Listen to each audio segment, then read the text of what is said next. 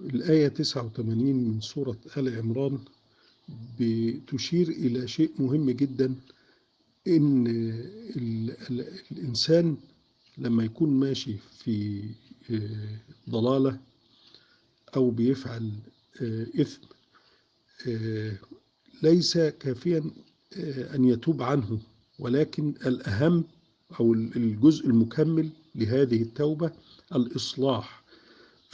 إلا الذين تابوا من بعد ذلك وأصلحوا.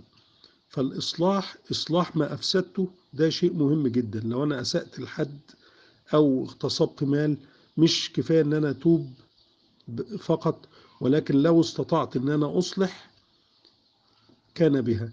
ما استطعتش أن أصلح ما أفسدته فأستغفر لي ولمن أسأت إليه وأصلح فيما هو قادم من ال- الأعمال.